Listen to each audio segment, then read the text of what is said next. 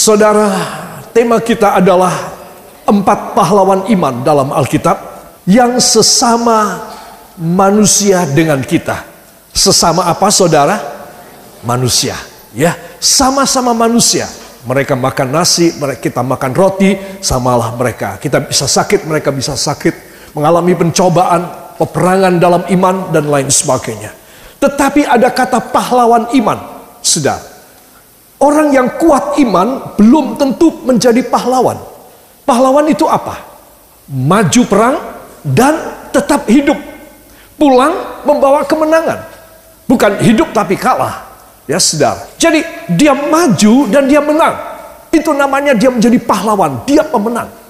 Nah iman saya dan iman saudara itu sering kali kita bilang kuat. Ya tetapi ketika dicoba, kita mengalami pencobaan, ada testing dalam hidup kita, saudara kita kalah. Jadi apa gunanya kita mempunyai iman yang kuat tetapi kita kalah, tidak menjadi pahlawan.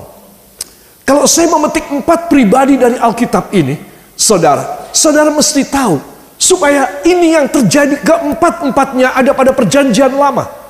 Saudara mesti tahu perbedaan perjanjian lama dan perjanjian baru. Perjanjian lama itu di bawah hukum Taurat. Saudara, sangat strict sekali, disiplin, kejam sekali hukumnya. Perjanjian baru tidak, anugerah. Maksud dari Allah memberi anugerah, mempermudah. Jadi kalau mereka memiliki iman itu sulit banget. Perjuangannya luar biasa. Sekarang di perjanjian baru ke sininya, saudara, kita dikasih anugerah supaya mudah. Supaya apa? Mudah menerima anugerah mudah menerima iman yang kuat. Tidak usah bergejolak, tidak usah ada peperangan yang banyak seperti pada perjanjian lama. Di sini saudara beriman kepada Kristus, Kristus sudah memenangkan semua peperangan saudara. Jadi tinggal kita ini belajar dari perjanjian lama. Gimana ya? Oh mereka mengalami hal yang sama seperti kita. Sifat tabiat mereka sama dengan kita. Saudara. Itu sebab saya perlu supaya kita semua jangan pada akhir zaman saudara dan saya kalah. Jangan sampai kalah. Tahun ini justru harus luar biasa. Saudara, saya ingin kembali kita membaca sebuah ayat dari Roma pasal yang ke-9 ayat yang ke-15. Surat Roma pasal yang ke-9 ayat yang ke-15 para kekasih. Saudara tidak boleh lupa ayat ini luar biasa ya. Kunci rahasia kita bisa diberkati Allah itu ada pada ayat ini. Ini luar biasa. Ya saudara. Jadi kalau saya kehabisan anugerah, kehabisan kesehatan, kehabisan berkat uang, saya kehabisan sukacita, kehabisan bahagia. Saudara, saya perlu baca ayat ini. Ini ayat luar biasa. Apakah dia? Mari kita akan baca. Roma 9 ayat yang ke-15. Satu, dua. Sebab ia berfirman kepada Musa, Aku akan menaruh belas kasihan kepada siapa aku mau menaruh belas kasihan. Dan aku akan bermurah hati kepada siapa aku mau bermurah hati. Amin. Coba. Ada presiden, raja, ratu, kaisar, bisa mengeluarkan maklumat semacam ini? Tidak ada, saudara. Setidaknya tidak berani, saudara. Karena mereka tahu cuma sebatas apalah. Aku punya kekayaan, aku punya kuasa. Sebatas aja. Tetapi ini perkataan luar biasa. Rasul Paulus mencoba mengungkap sesuatu yang belum terungkap tentang siapa Allah. Dia itu luar biasa sekali. Katakan amin. Dia itu luar biasa sekali. Amin. Sehingga dia mempunyai hak untuk menaruh belas kasihan kepada siapa dia mau memberi belas kasihan. Saudara yang kekasih. Jadi kalau saya kekurangan belas kasihan, saya kekurangan murah hati Allah, saya akan berjuang setengah mati. Saya akan bergulat sendiri, berkumul sendiri, saya akan bertanding sendiri, saya mesti kalah. Sudah, tidak usah dijalani, saya mesti kalah. Orang lain lebih kuat dari saya. Kalau saya mempunyai kesadaran sedemikian, maka apa yang akan saya kerjakan? Saya akan mengambil hati Allah. Perhatikan, sebab ia berfirman kepada Musa, Aku akan menaruh belas kasihan. Kalau saudara merasa kurang belas kasihan, minta sama Tuhan. Jangan begini sama orang. Amin. Wah ini bahaya. Minta belas kasihan. Dia sudah janji loh. Bukan pendeta punya janji. Dia berjanji. Kalau saudara merasa kurang murah hati. Ah aku apa-apa dipersulit ya sama orang. Atau aku mengalami semua keadaan seperti dihambat dalam hidup ini. Saudara minta Tuhan beri kemurahan. Itu sebab Tuhan mau memberi kepada kita. Asal saya dan saudara beriman. Ini ceritanya tentang apa, saudara? Pertama tentang Ibu Rebkah ayat 12. Kedua tentang Musa. Mereka berbeda zaman, saudara. Yang satu perempuan, yang satu laki. Saudara, berbeda kasusnya. Tetapi semua satu. Ya, jalurnya itu satu. Sumbernya hanya Tuhan Allah Yehova. Kalau saya bisa ambil hati dia, saudara bisa ambil hati dia, selesai. Semua negatif, semua defisit, semua keambrukan, semua kegagalan, katakan luar biasa. Katakan jawaban yang mudah. Katakan mudah menerima mujizat bila saya berhasil mengambil hati Allah. Ya, jadi menjadi anak Tuhan ini istimewanya di mana? Bisa ngambil hati Tuhan. Saya ingin tahun ini luar biasa. Saya ingin tahun ini saudara luar biasa. Itu sebab saudara harus minta kepada Tuhan. Tuhan tolong beri kepada hamba. Untuk hamba boleh menjadi iman yang kuat dan menang dalam pencobaan supaya hamba boleh menjadi pahlawan. Tidak kalah lagi seperti kemarin. Tidak nurut pada bisikan iblis dan dosa seperti kemarin. Katakan luar biasa. Saudara yang kekasih, saya akan berbicara mengenai Yakob. Yakob ini saudara, Allah menghargai ngototnya dia. Ya, di dalam kejadian fase yang ke-32 ayat 24 sampai 28. Dan kemudian saudara saya akan mengajak saudara untuk melihat tentang bagaimana Yakob dibentuk. Yang membentuk adalah ibunya dan ayahnya. Ya, saudara, semua kita para orang tua wajib mengerti soal ini. Ya, saudara. Nah, Yakob ini, saudara-saudara, adalah dibentuk oleh Allah karena dia sudah terlanjur salah. Salah asuhan. Salah apa? Salah asuhan. Ya saudara. Nah, apa maksud Allah bergulat dengan Yakob semalaman? Ya, saudara, apa maksud Allah? Maksud Allah adalah supaya satu Yakob naik tingkat. Jadi kalau saudara mengalami satu hidup yang berat, belum tentu itu hukuman buat saudara. Tetapi kemungkinan itu adalah cara Allah meningkatkan kita untuk naik setingkat, dua tingkat lebih tinggi. Katakan amin. Ya, jadi bahwa Yakob diharap bisa naik tingkat. itu sebab harus bergumul. Yakob tiba-tiba saja ada muncul seorang pria yang gagah, pukul dia, jatuh terhempas dia. Sudah pasti dia tidak terima. Saudara, Yakob ini orang yang ulet sekali. Dia dari miskin sebatang kara hanya pakaiannya melengkap pada tubuhnya satu kirbat dari kulit berisi minyak urapan saja dan tongkat.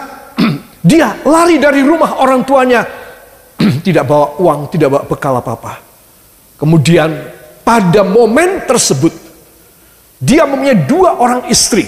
Masing-masing istri dibagi, dia punya sebelas anak dibagi dua pasukan.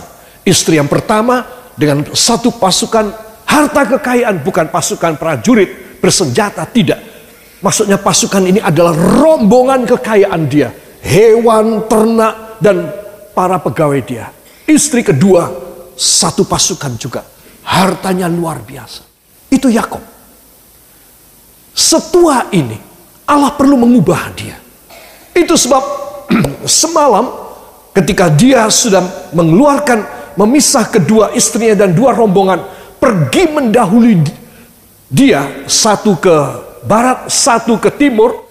Jadi dia punya pikiran kalau nanti kakakku menemukan entah rombongan pertama atau rombongan kedua dan membinasakan mereka, aku masih punya satu rombongan, aku masih punya satu pasukan. Aku selamat. Dua-dua disuruh berangkat, dia menyelamatkan diri. Dia pikir aku mau tidur tenang di sini. Biar abangku berurusan sama dua istriku.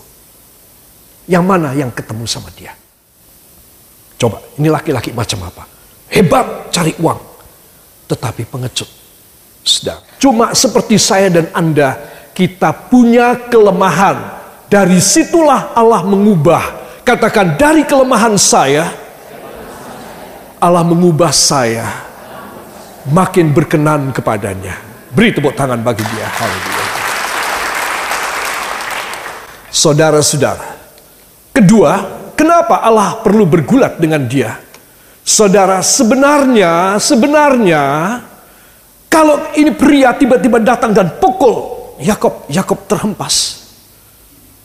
Ketika dia bangun lagi, dia sudah bisa ngelihat. Ini laki siapa? Ini pria bukan kayak orang. Ini pria luar biasa. Kalau dia peka, dia tidak perlu semalaman bergumul. Ketika dia dipukul jatuh, dia melihat, maka dia akan sujud menyembah di kaki laki-laki ini. Dan dia akan mengatakan, aku tahu engkau Allah. Ampuni aku. Aku akan menjadikan kamu bukan Yakob lagi, yaitu penipu. Kata nama Yakob, aku akan mengubah kamu menjadi Israel, pangeran dari Allah. Sudah selesai. Tidak pakai berantem sama Tuhan. Kalau saudara disuruh milih berantem semalaman dengan Tuhan atau dipukul oleh Tuhan, langsung menyerah dan bertobat. Milih yang A atau milih yang B? Yang B. Sudah. Tapi sayang, sayang sekali. Yakob ini memang sudah terbawa. Dia punya sifat nekat dan berani mati, berani spekulasinya kendel banget. Mati sekarang, mati besok sama aja. Dia lawan. Saudara, itu sebab tergantung berapa lama saya dan Anda mengalami pencobaan dalam hidup ini. Kalau kita cepat menyerah kepada kehendak Allah, cepat bertobat, Tuhan cepat stop pencobaan kita. Tetapi kalau kita ngotot seperti Yakob, bisa semalaman. Begitu lama, begitu berat. Saudara, akibatnya ketika Yakob tidak mau melepaskan dia, Fajar akan menyingsing. Tuhan menarik pangkal paha dari Yakob. Patah panggulnya. Para kekasih. Jadi ini pelajaran. Tapi sayang untuk dibentuk naik lebih tinggi, Yakob tidak bisa tunduk kepada Tuhan. Saudara, kalau dia sama-sama nekat, kenapa tidak berani menghadapi abangnya? Kakaknya esok adepin aja dong. Sekarang Tuhan datang kepada dia, menguji dia, dan dia melawan kepada Tuhan semalaman. Ada nilai positifnya. Ya, saudara. Tetapi banyak nilai negatifnya. Kalau coba Yakob menyerah pada pukulan Tuhan yang pertama, dia tidak akan mengalami pukulan bertubi-tubi dalam hidupnya. Dia tidak akan dibanting berulang kali sampai akhirnya terpaksa dia punya pangkal paha ditarik dan copot. Saudara, di sini kita melihat bahwa pencobaan itu tergantung kitanya. Kalau saya ingin cepat, saya harus cepat bertobat. Saudara mau cepat bertobat, cepat menerima anugerah dari Tuhan. Sebab ini semua proses untuk mengubah kita. Katakan proses untuk mengubah saya. Agar saya makin berkenan kepada Bapa di sorga. Beri tepuk tangan bagi dia. Puji Tuhan. Saudara yang kekasih, nah saya akan bawa Anda kepada bagian ini. Ini bagian penting.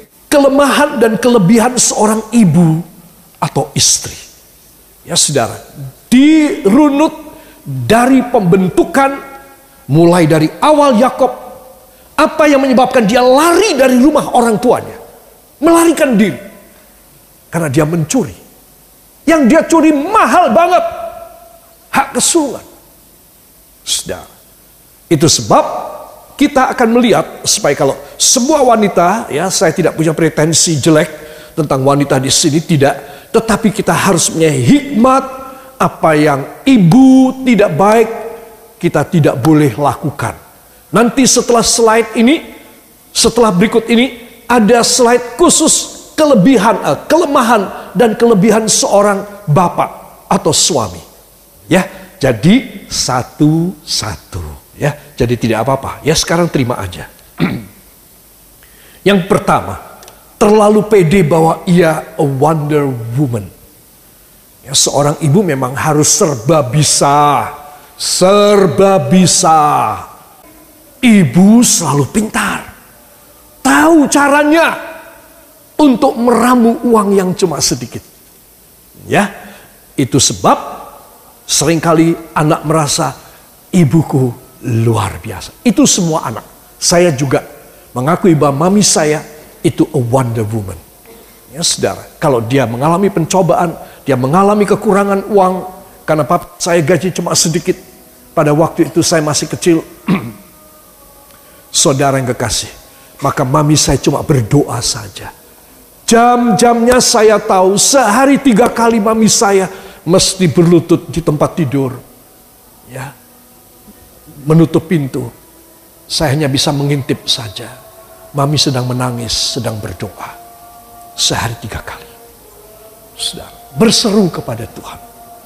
Karena papi saya memulai pekerjaan hanya sebagai derde masinis dalam bahasa Belanda. Masinis ahli mesin tiga. Itu rendah. Baru kemudian kesetiaannya selama 32 tahun, uh, selama 28 tahun melayani di pabrik tersebut, saudara dia masuk dalam dewan direksi. Menjadi seorang direktur. Itu hebat sekali.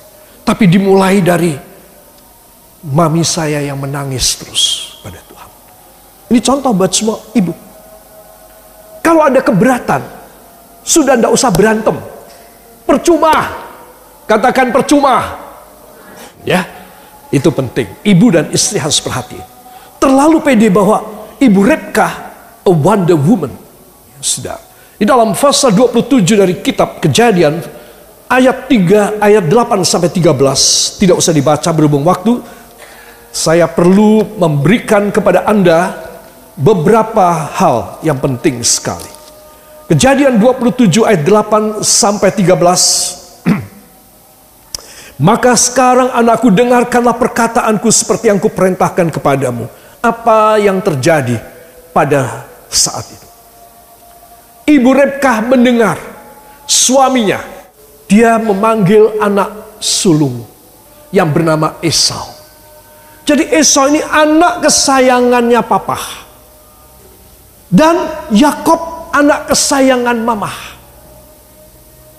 Saudara, perhatikan kalau orang tua punya anak kesayangan itu memberi stigma tidak baik pada anak.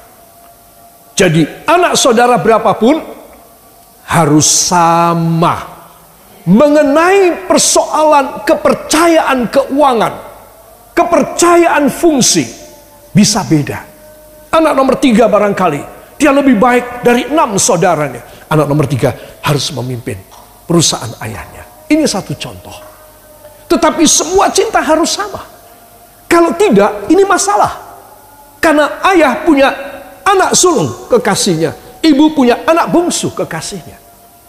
Nah, dipanggillah Esau oleh si ayah. Ayahnya sudah rabun. Sudah tua banget. Dan kemudian Yakob berkata kepada anaknya, Esau, tolong kamu pergi ke hutan. Tangkap buruan, hewan yang enak, masak yang enak, hidangkan kepada papa. Papa akan makan dan papa akan memberkati kamu. Setelah itu papa akan mati. Ibunya di balik tirai mendengar. Waduh, anakku Yakob bisa dapat cuma sedikit. Aku tidak terima. Aku ingin Yakob walaupun dia anak bungsu, anak kecil, tapi dia harus dapat dua kali lipat. Pergi dia, cari Yakob. Kop, cepat. Aku baru dengar ayahmu tadi mau memberkati kakakmu setelah kakakmu memasakkan makanan yang enak. Ibu tidak terima. Kamu yang harus dapat hak kesulungan. Nanti ibu masak, kamu hantar kepada papamu. Biar dia makan dan dia memberkati kamu sebelum dia mati. Saudara, kemudian apa yang terjadi? Lalu kata Yakob kepada Rebka ayat 11. Kakakku adalah seorang berbulu badannya. Sedang aku ini kulitku licin. Ya. Mungkin ayahku akan meraba aku. Maka nanti ia akan menyangka bahwa aku mau memperolok-olok dia. Dengan demikian aku akan mendatangkan kutuk atasku. Dan bukan berkat. Loh anak malah lebih pintar dari ibu. Saudara. Ya. Sebetulnya Yakob ini baik bijak walaupun masih muda. Saudara, tetapi ayat 13, ibunya berkata kepadanya, Akulah yang menanggung kutuk itu, Yakob, anakku. Dengarkan saja perkataanku, pergilah ambil kambing-kambing itu. Sudah, tidak bisa apa-apa sih anak. Dia pergi ambil dua ekor anak kambing yang gemuk-gemuk. Dan ibunya bersama dia menyembelih, ibunya memasakkan. Kalau sama-sama harus memasak enak, walau Esau pintar masak, karena dia seorang pemburu, ibunya lebih enak. Karena dia istri daripada ayahnya. Dan dia tahu kesenangan suaminya. Itu sebab dimasak cepat. Yakob, sini. Dia ambil satu style bajunya Esau dipakaikan. Dia menyimpan satu style baju Esau. Nanti saya akan jelaskan. Kelebihan Ibu Rebka hebat sekali. Dan kemudian dia pasang itu bulu kambing dari pundak leher sampai ke tangan. Saudara yang kekasih, itu yang terjadi. Ya, ini kelemahan dari seorang ibu yang bahkan begitu nekat kutukannya tak terima sama ibu. Ibu akan menanggung kutuknya. Saudara, hati-hati loh ibu ya. Tidak boleh pol-polan di dalam membela anak. Tidak boleh pol-polan mati-matian di dalam membela anakmu. Nanti rusak. Jadi harus pakai hikmat akal Rebka ini mau mencurangi suaminya sendiri loh. Apakah dia istri yang baik? Dia mau mencurangi suaminya sendiri. Sudah. Jadi harus dipikir bahwa menjadi seorang istri harus takut kepada Tuhan walau bisa apa aja. Itu kelebihan wanita. Kedua, ini kelebihan. Di dalam pasal 27 ayat 15 dan ayat 27 saya akan baca ya supaya jelas ya. Kemudian Ribka mengambil pakaian yang indah kepunyaan Esau anak sulungnya. Pakaian yang disimpannya di rumah. Lalu disuruh nyalah dikenakan oleh Yakob anak bungsunya 27. Lalu datanglah Yakob dekat-dekat dan dicium nyalah ayahnya. Ketika Eska mencium bau pakaian Yakob, Diberkatinya lah dia katanya sesungguhnya bau anakku adalah sebagai bau padang yang diberkati Tuhan. Amin. Ini saya bilang kelebihan ibu. Hebat. Pikirannya panjang. Jadi ibu ini baik, ibu Rebka. Dia menyimpan satu style baju milik Esau dicuci bersih, ya, kemudian dirapikan dan Alkitab mengatakan diberi pengharum. Jadi kelebihan ibu baik. Ibu harus punya pikiran yang panjang untuk saat darurat. Sama seperti ibu Rebka, menyimpan satu style baju dari Esau khusus. Dia kasih pengharum. Saudara. Yang ketiga, saudara, karena PD dan banyak trik nurun ke anaknya. Saya tutup kelemahan dan ke kelebihan seorang ayah atau suami. Ya saudara, dia juga nurun dari ibunya.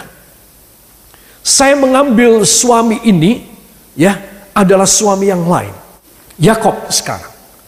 Tadi ibunya Rebka, profil dari seorang istri Kemudian sekarang anaknya Yakob, profil seorang suami atau ayah. Perhatikan, para ayah, perhatikan. Pasal 32 ayat 7 dan 8. Mari kita akan baca. Satu, dua. Lalu sangat takutlah Yakob dan merasa sesak hati. Maka dibaginyalah orang-orangnya yang bersama-sama dengan dia. Kambing dombanya, lembu sapi dan ontanya menjadi dua pasukan. Sebab pikirnya, jika Esau datang menyerang pasukan yang satu sehingga terpukul kalah, maka pasukan yang tinggal akan terluput. Amin. Coba. Suami tidak baik. Suami pengecut. Sudah. Tidak berani menghadapi sendiri. Tidak berani menghadapi istrinya selalu maju. Bagi dua. Satu mati, satu dipunahkan, satu pasukan masih ada. Aku selamat di belakang. Saudara yang kekasih, ini penting sekali.